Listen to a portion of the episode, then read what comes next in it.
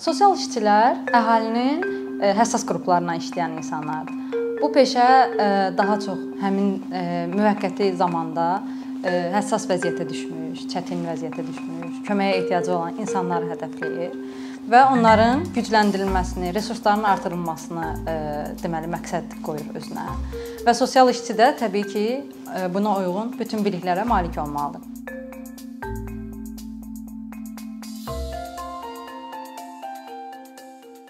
Beynəlxalq Sosial İşçilərin Federasiyasının sosial işlə bağlı verdiyi tərif hal-hazırda əsasən insan hüquqlarının üzərində qurulmuş bir tərifdir və e, bizim ixtisasımızda əsas işimizi qurarkən mütləq insan hüquqlarını və qəbul olunmuş konvensiyaları nəzərə almalıyıq.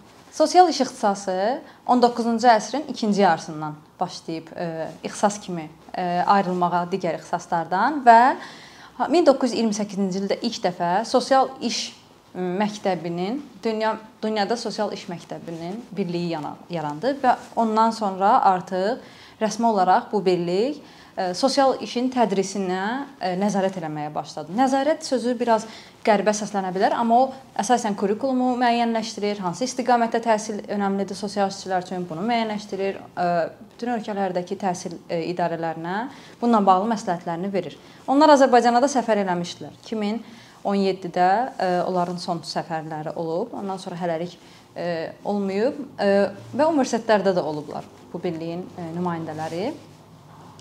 Bizdə isə sosial iş e, sonradan müstəqillik dövründə yaranmış bir peşədir. Sovet vaxtında bilirsiniz, sosial elmlər, e, psixologiya, tədqiqat elmi falan qadağan idi, ideoloji olaraq uyğun gəlmirdi və müstəqillik yaranandan sonra psixologiya inkişaf eləməyə başladı. Bununla yanaşı digər elmlər də gəldi, sosial elmlər və sosial iş 2009-cu ildə Avropa İttifaqının və Soros fondunun dəstəyi ilə ilk olaraq Bakı Dövlət Universitetində sosiologiya kafedrasının e, içində, nəzdində e, açıldı. E, ancaq magistr dərəcəsi, 2 illik magistr dərəcəsi verirdi sosiologiya ixtisasını bitirənlərə. Sosial elmlər fakültəsində başqa ixtisaslar da var idi. İqtisadi nəzəriyyə var idi, politologiya var idi. O, o məzunlarda qəbul eləyirdi sosial iş. Sonradan onun bakalavr səviyyəsi yaranmağa başladı. Hal-hazırda Azərbaycanda 9 universitetdə sosial iş tədris olunur peşə kimi, həm bakalavriat səviyyəsində, həm də magistr səviyyəsində. Eyni zamanda e, kolleclərdə sosial iş e, təhsili mövcuddur. Amma ə, e, sosial xidmət haqqında qanun qəbul olunandan sonra sosial işçi kimi yalnız ali təhsili təhsil almış işçilər, e, məzunlar sosial işçi hesab olunurlar. Digərləri sosial sahədə xidmət sektorunda özlərinə yer ala biləcəklər. Sosial iş e, kurrikulumu e, ilk zaman təqdim olundu Avropa İttifaqının dəstəyi ilə demişdim, deməli başladığına görə onlar tərəfindən deməli birgə işlənib hazırlanmışdı və müəllimlər də birgə seçilmişdi və o vaxtı ixtisas olaraq sosial iş heç Azərbaycanda yox idi deyə xaricdə təhsil almış Azərbaycanın tələbələri bizə müəllim kimi gətirmişdilər. Mən sosial iş ixtisasının ilk e, deməli qəbul olunan ilk məzunlarındanam.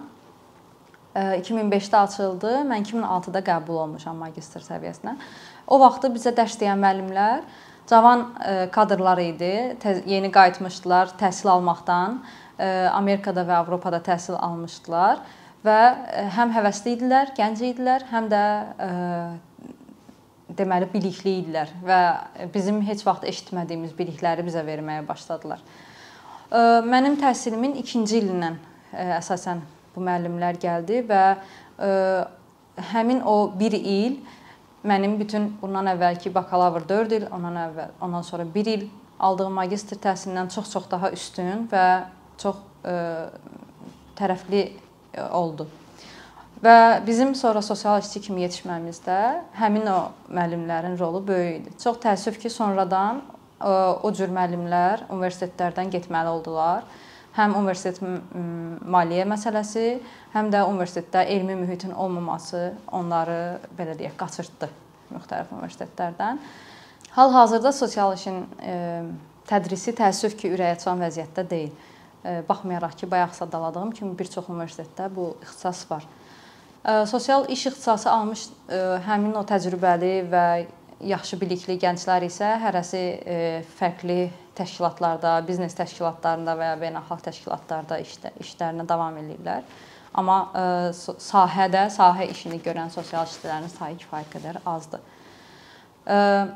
Və bunun bir tərəfi bu bir tərəfdən, ikinci bir tərəfdən sosial sahədə hal-hazırda təhsil alan gənclərin praktikasını alması üçün gedəcəkləri sahələr, təşkilatlar kifayət qədər azdır və ordakı professionalların deməli bilik səviyyəsi standartlara uyğun deyil təəssüf ki.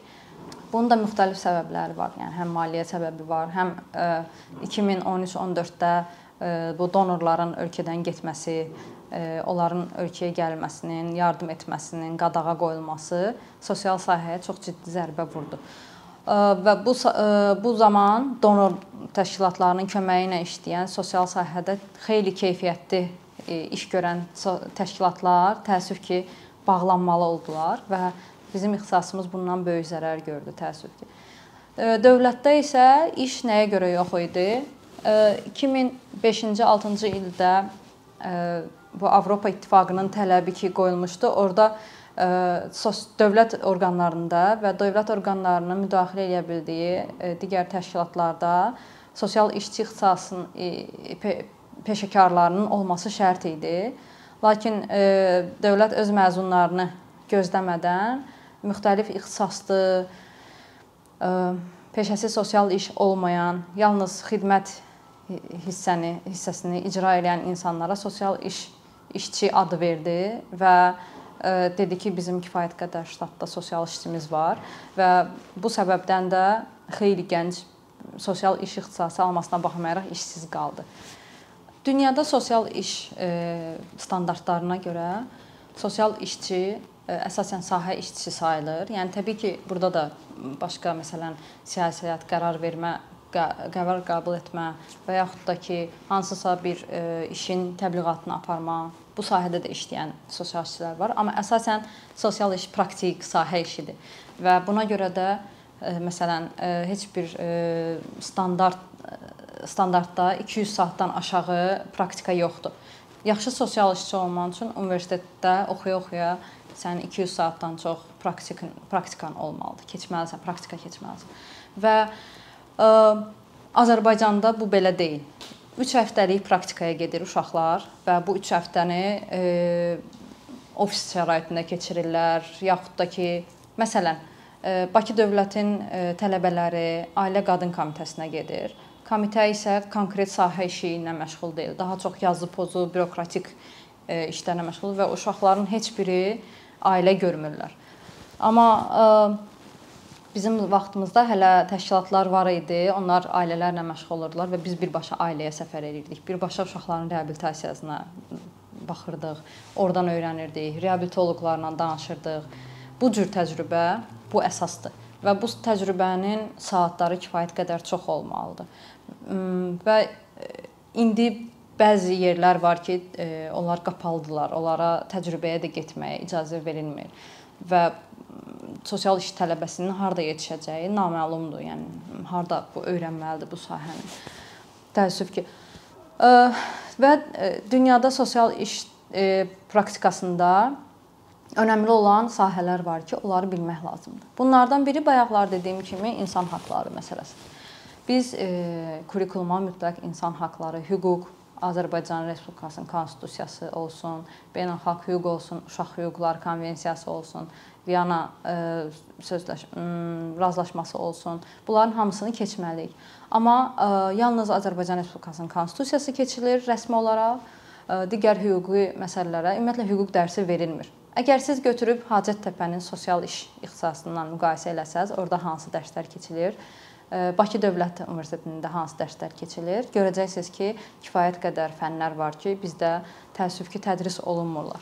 Və bu da o uşaqların yetişməsində ciddi, yəni rol oynayır. Gələcəkdə onlar sahəyə gələndən sonra bilirlər ki, qanunvericiliyi bilmək əsas əsasdır və yaxud da ki, insan haqqları nəyə görə bu qədər vacibdir və yaxud da ki, uşaq hüquqları konvensiyasını bilmək sosial işçinin nəyinə lazımdır. Yəni əsasən tədrisdə bu məqamlara toxunulmur. Digər toxunulmayan və əskik qalan məqam psixologiya biliklərinin az olmasıdır. Sosial işçinin psixologiya bilikləri, insanla ünsiyyəti, konsultasiya bacarıqları, onun xəstəlikləri heç olmasa ayırd eləməsi, onlardan xəbər xəbərdar olması, onları hansı mütəxəssisə yönəldəcəyini bilmək üçün çox vacibdir.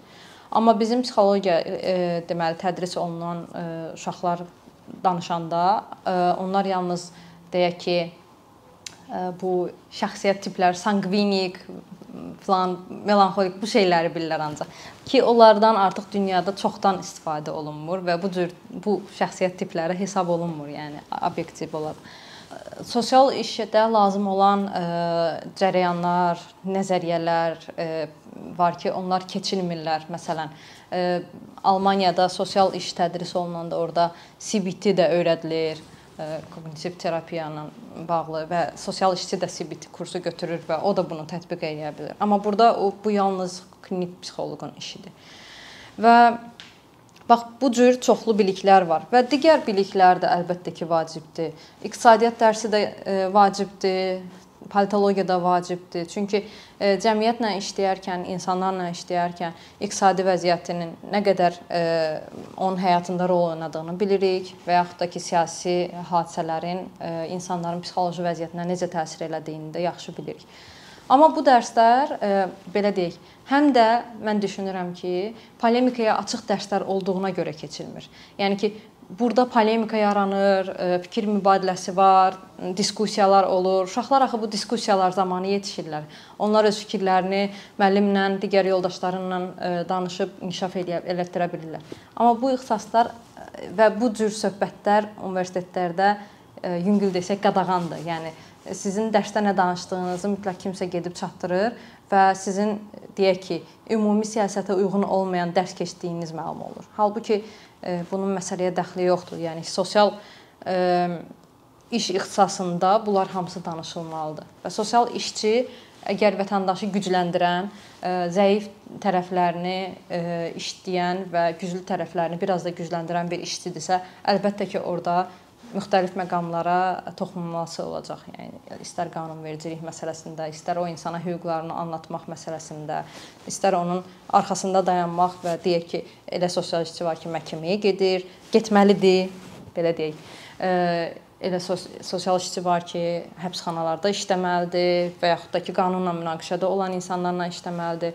Bu cür sosial işçilər üçün bu biliklər çox vacibdir ki, keçilmir. Bizdə bütün elmlərin ümumi ancaq diplomu verilir. Belə deyək. Sən psixologiyaya qəbul olmusansa, ancaq psixoloq kimi oradan çıxırsan. Və yaxud da sosiologiyaya qəbul olmusansa, sosioloq kimi. Sosial işdə təəssüf ki, həmin e, bu ixtisaslardan biridir. Hüquqda da belədir. Məsələn, hüquqşünas olur. Hə, diplomda yazılır hüquqşünas. Amma hansı sahə üzrə hüquqşünas məsələn, hansı sahə üzrə psixoloq ya da sosial işçi məsələn. Bu vacib məsələdir və bu ixtisaslaşma hələ də Azərbaycanda getmir. Magistr səviyyəsində də diplom, yəni bakalavr səviyyəsində də uşaqlar diplomlar müdafiə eləyir. Hal-hazırda bəzən diplom müdafiəsi yox, dövlət imtahanından keçirlər. Onda ümumiyyətlə hansısa bir ixtisaslaşmadan söhbət gedə bilmir. Amma deyək ki, diplom işi yazan bir gənc ən azı həmin mövzuya uyğun araşdırmanı eləyir və həmin sahəni daha yaxşı bilmiş olur diplomun müdafiəsində. Amma imtahan olanda ümumi nəzəriyyəni bilmiş olur. Praktikanı da yox, daha çox nəzəriyyəni. Və əlbəttə ki, bu çox vacibdir. Məsələn, dünyada misal gətirirəm. Böyüklər böyüklərlə həbsxanada işləyən bir sosial işçi uşaqların ailədəki zorakılığına bağlı heç bir lisenziya ala bilməz. Çünki o ixtisaslaşıb bu sahədə və uşaq istismarı və uşaq müdafiəsi onun sahəsi deyil. Uşaqlarla konkret məşğul olan sosial işçilər var. Onların özlərinin lisenziyası var. Bu lisenziyaya uyğun da fəaliyyət göstərə bilirlər. Və e, bu ixtisaslaşma e, həm professionallıq cəhətdən çox vacibdir, həm də e, dövlətin özünə də rahatlıq yaradır ki, özü yetişdirdiyi və yaxud da ki, özünün lisenziya verdiyi, hansı bilik standartlarını bildiyini arxain olduğu mütəxəssislərlə işləyir və onun üstündə siyasətini qurur. Bizim ölkədə buna çox ehtiyac var, amma deyək ki, bu günlər, sabahlar qərar qəbul olundu ki, biz də sosial işdə ixtisaslaşma yaradaq. O ixtisaslaşmanın o ə, fərqli tərəflərini tədris eləyəcək adam tapılmayacaq. Çünki yaxşı sosial işçilər getdilər ölkədən. Beyin axını oldu 2013-14-də və və yaxud da ki, sosial sahədən getdilər. Sosial sahə çökdü tamamilə. Ona uyğun e, şəxsləri tapmaq çox çətin olur. Hal-hazırda yenə də bu yaxınlarda məndən universitetdə yenə e, sosial işçilər istədilər. Və mən soruşuram ki, hansı dərsləri deyəcək sosial işçi? Yəni bilək kimi axtarırıq. Onlar deyirlər ki, fərqi yoxdur. Sosial işçi olsun, elə verdiyimiz dərsə hazırlaşıb deyər. Yəni bu tələbləri budur. Universitetin tələbi budur. Fərqi yoxdur yəni onlar üçün. Və heç vaxtda dərsə girib baxmırlar ki, həmin müəllim dərsi necə keçir. Onları maraqlandıran odur ki, müəllim nə status yazır statusunda siyasi bir məsələ varmı? Onun üstündə müəllimləri işdən çıxardılar. Halbuki onlar yaxşı müəllimlərdir. Həqiqətən də auditoriyada siyasi məsələyə toxunmayan, həqiqətən də auditoriyada heç bir təbliğat aparmayan, ideoloji bir məsələ qaldırmayan, öz ixtisasından danışan və uşaqlara həqiqətən də yaxşı biliklər verən müəllimlərdir. Amma məsələn mənim universitetdən çıxarılma məsələm belə idi. Statusların çap olunub qoyulmuşdu dekanın qarşısına. O oxuyurdu ki, siz burada niyə belə yazmısınız? Yəni amma bu 4 il ərzində bir dəfə də nə özü, nə müavini, nə hansısa bir müəllim girib dərsdə oturmadı ki, baxaq görək bu müəllimə necə dərs keçir. Bəlkə orada uşaqlara ə, narkotik maddələri təbliğ eləyir. Məsələn. Yəni bizdə təəssüf ki, budur. Yəni universitetlər daha çox ideoloji ə, təbliğat mərkəzləridir, nəinki tədris mərkəzləri, təəssüf ki. İndi dövlət idarələrinə bir xeyli müddətdir ki, bu etik məsələlərlə bağlı təlimlər keçilir və görürsən ki, dövlət idarələrində işləyən insanların lüğəti dəyişir. Artıq onlar daha ehtiyatlı danışırlar və daha standartlara uyğun danışmağa çalışırlar. Amma mahiyyət dəyişmir. Yəni mahiyyət ondan ibarətdir ki, o insanlara münasibət dəyişmir. Dil, lüğət dəyişmək bu ancaq bir kosmetik dəyişikliyə çevrilir. Yenə də siz hansısa bir e, müəssisələrə getsəz, məsələn internatlara filan yazacaqlar ora ki, məsələn görəcəksiniz yazılıblar ki, kör, kar və nə bilim əqli geriliyi olan uşaqların internatı. Məsələn o qədər dəhşət stigmadır ki də bu, yəni ki, bu bir e, möhür kimi onların alınlarına elə bir ki oturur. Və bu stigmadan e, çıxmaq, o onları dəyişdirmək, e, bu o deməkdir ki, bütün bu işlərlə məşğul olan, bu sahədə olan bütün hər kəsə bu anlatılmalıdır ki, nəyə görə bu vacibdir, nəyə görə bu etik deyil, nəyə görə bu uşaqları bu cür adlandırmaq olmaz. Dərsliklərə qalınca o dərsliklərdən heç birini sosial iş ixtisasını əldə etmiş insan yazmayıb. Bu dərslikləri daha çox hansısa kafedra müdirləri, nə bilim, dekanlar filan yazır və onlar heç biri sosial işçi deyil. Yəni bizim ölkədə bir nəfər də olsun, dekan məsələn deyirəm, yoxdur ki, o sosial işçi olsun, həm də həmin sosial ixtisasın, sosial iş ixtisası olan fakültənin dekanı olsun. Yoxdur. Var idi əvəzçi kimi. Çünki orada da standartlar var, elmi dərəcəsi olmalıdır filan dekan olması üçün. Və bir xeyli yaxşı iş var, hansı ki məsələn biz yazmışdıq və yaxud da ki, digər bizdən əvvəl və ya sonra bir neçə də, bir neçə yaxşı e, müdafiə mövzusu var idi ki, onlar işlənməmişdi və onları can dildən işləyib qoymuşduq diplom işini. Yəni baxmayaraq ki, bu çox böyük bir iş deyil, yəni diplom işi yazmaq. Amma orada yaxşı e, materiallar var idi də həmin dövr üçün. Və yadıma gəlir ki, bir neçə il sonra biz e, Bakı Dövlət Universitetinin arxivinə getdik. Elə o birisi universitetlər də yəni belədir. Biz arxivdən material götürməli idik, e, başqa ölkədə təhsilə müraciət etmək üçün və gördük ki, diplomların hamısını qalaqlayıblar bir dənə yerə. Deyirlər ki, burdan nə istəyirsiniz tapa bilərsiniz və hətta bizdən 2 il əvvəl e, bitirənlərin diplomlarını artıq e, qalaqlamışlar ki, yandırsınlar. Yəni ki, o diplom işlərində uşaqlar var ki, çox əmək qoyurlar. Həqiqətən də orada araşdırma olur, həqiqətən orada tədqiqat olur, həqiqətən orada yeni material olur. Onlar çap olunmurlar və cəmiyyətə çatdırılmırlar. Halbuki oradan nəsə öyrənmək olardı. Onlar qalaqlanıb belə sonra yandırılırlar. Yəni münasibət daha çox budur, yəni. Onlar əsasən qiymət almaq üçün olan standart şeylərdir. Və əlbəttə ki, dərsliklər doğrudan da yoxdur. Ümumiyyətlə yaxşı sosial iş dərsliyi varmı? Yoxdur. Biz sosial işə yenə də deyirəm ki, Avropa İttifaqının dəstəyi ilə başlamışdı deyə. Onlar hər şeyin qeydinə qalmışlar, dərslik də çıxartmışlar. Amma o dərsliyi e, sosiologiya kafedrasının müəllimləri tərcümə eləmişdi rus dilindən və bir dənə cümlə var idi. Məsələn, orada yadımıza gəlir, hamımız bir-birimizə göstərirdik. Bir səhifə boydaydı bu cümlə.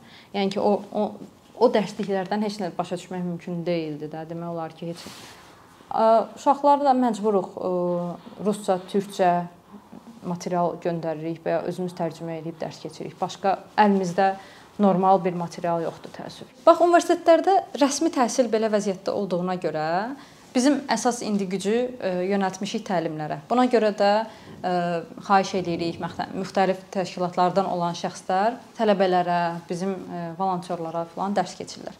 Və dərs keçirlər dediyimiz bunlar hamısı dərslərdə keçilməlidir, amma onlar onu təlim kimi keçirlər. Ona görə bu cür təlimlərin yayılması çox vacibdir. Çünki alternativ təhsildir bu və rəsmi təhsil yoxdur deyə bu bizi az çox xilas edir bu, bu cür təhsil. Digər bir tərəfdən uşaqların e, özlərinin sualları var ki, ona cavab tapmaqda çətinlik çəkirlər. Məsələn, biz onlara deyəndə ki, siz könüllü kimi getməlisiniz və bu sizin həm təhsilinizə, həm də gələcəkdə iş tapmağınıza kömək eləyəcək. Onlar deyirlər ki, bizi orada qul kimi işlədirlər, bizim nəyimizə lazımdır. Amma gənclər bilməlidirlər ki, universitetdə öyrəndiklərindən daha çoxunu sahədə, təcrübədə, təşkilatlarda öyrənəcəklər. Bu pulsuz işləmək onlar üçün əslində bu pulsuz işləmək deyil. Bu onların gələcəyi üçün investisiyadır. İndi yəni özləri investisiya edirlər də özlərindən. Çünki ə, onlar ə, burada işlədikləri qazancı gələcəkdə başqa bir yerdə reallaşdırıb, yəni bundan bu indi öyrəndiklərindən pul qazanacaqlar və bu heç də pulsuz əmək sayılmır. Ona görə də çağırış edirəm, hər kəs əli çatan təşkilata könüllü kimi yazılsın və təlimlərə mütləq getsinlər. Əkinçinin yeni videoları haqqında məlumatlı olmaq üçün kanalımıza abunə olmağı və xəbərdarlıq funksiyasını aktivləşdirməyi unutmayın. Bununla bərabər gördüyümüz işlərin davamlı olmasını istəyirsinizsə, bizim patronların sırasına qoşulmağınızı rica edirik. Əkinçinin Patreon icmasının üzvü olaraq siz bizim təşəbbüsə dəstək göstərməklə bərabər hazırladığımız materialları hər kəsdən öncə izləmə imkanı əldə edəcəksiniz. İmkandan istifadə edərək cari patronlarımıza işlərimizi davam etməyə yardım olduqları üçün dərin təşəkkürümüzü bildiririk.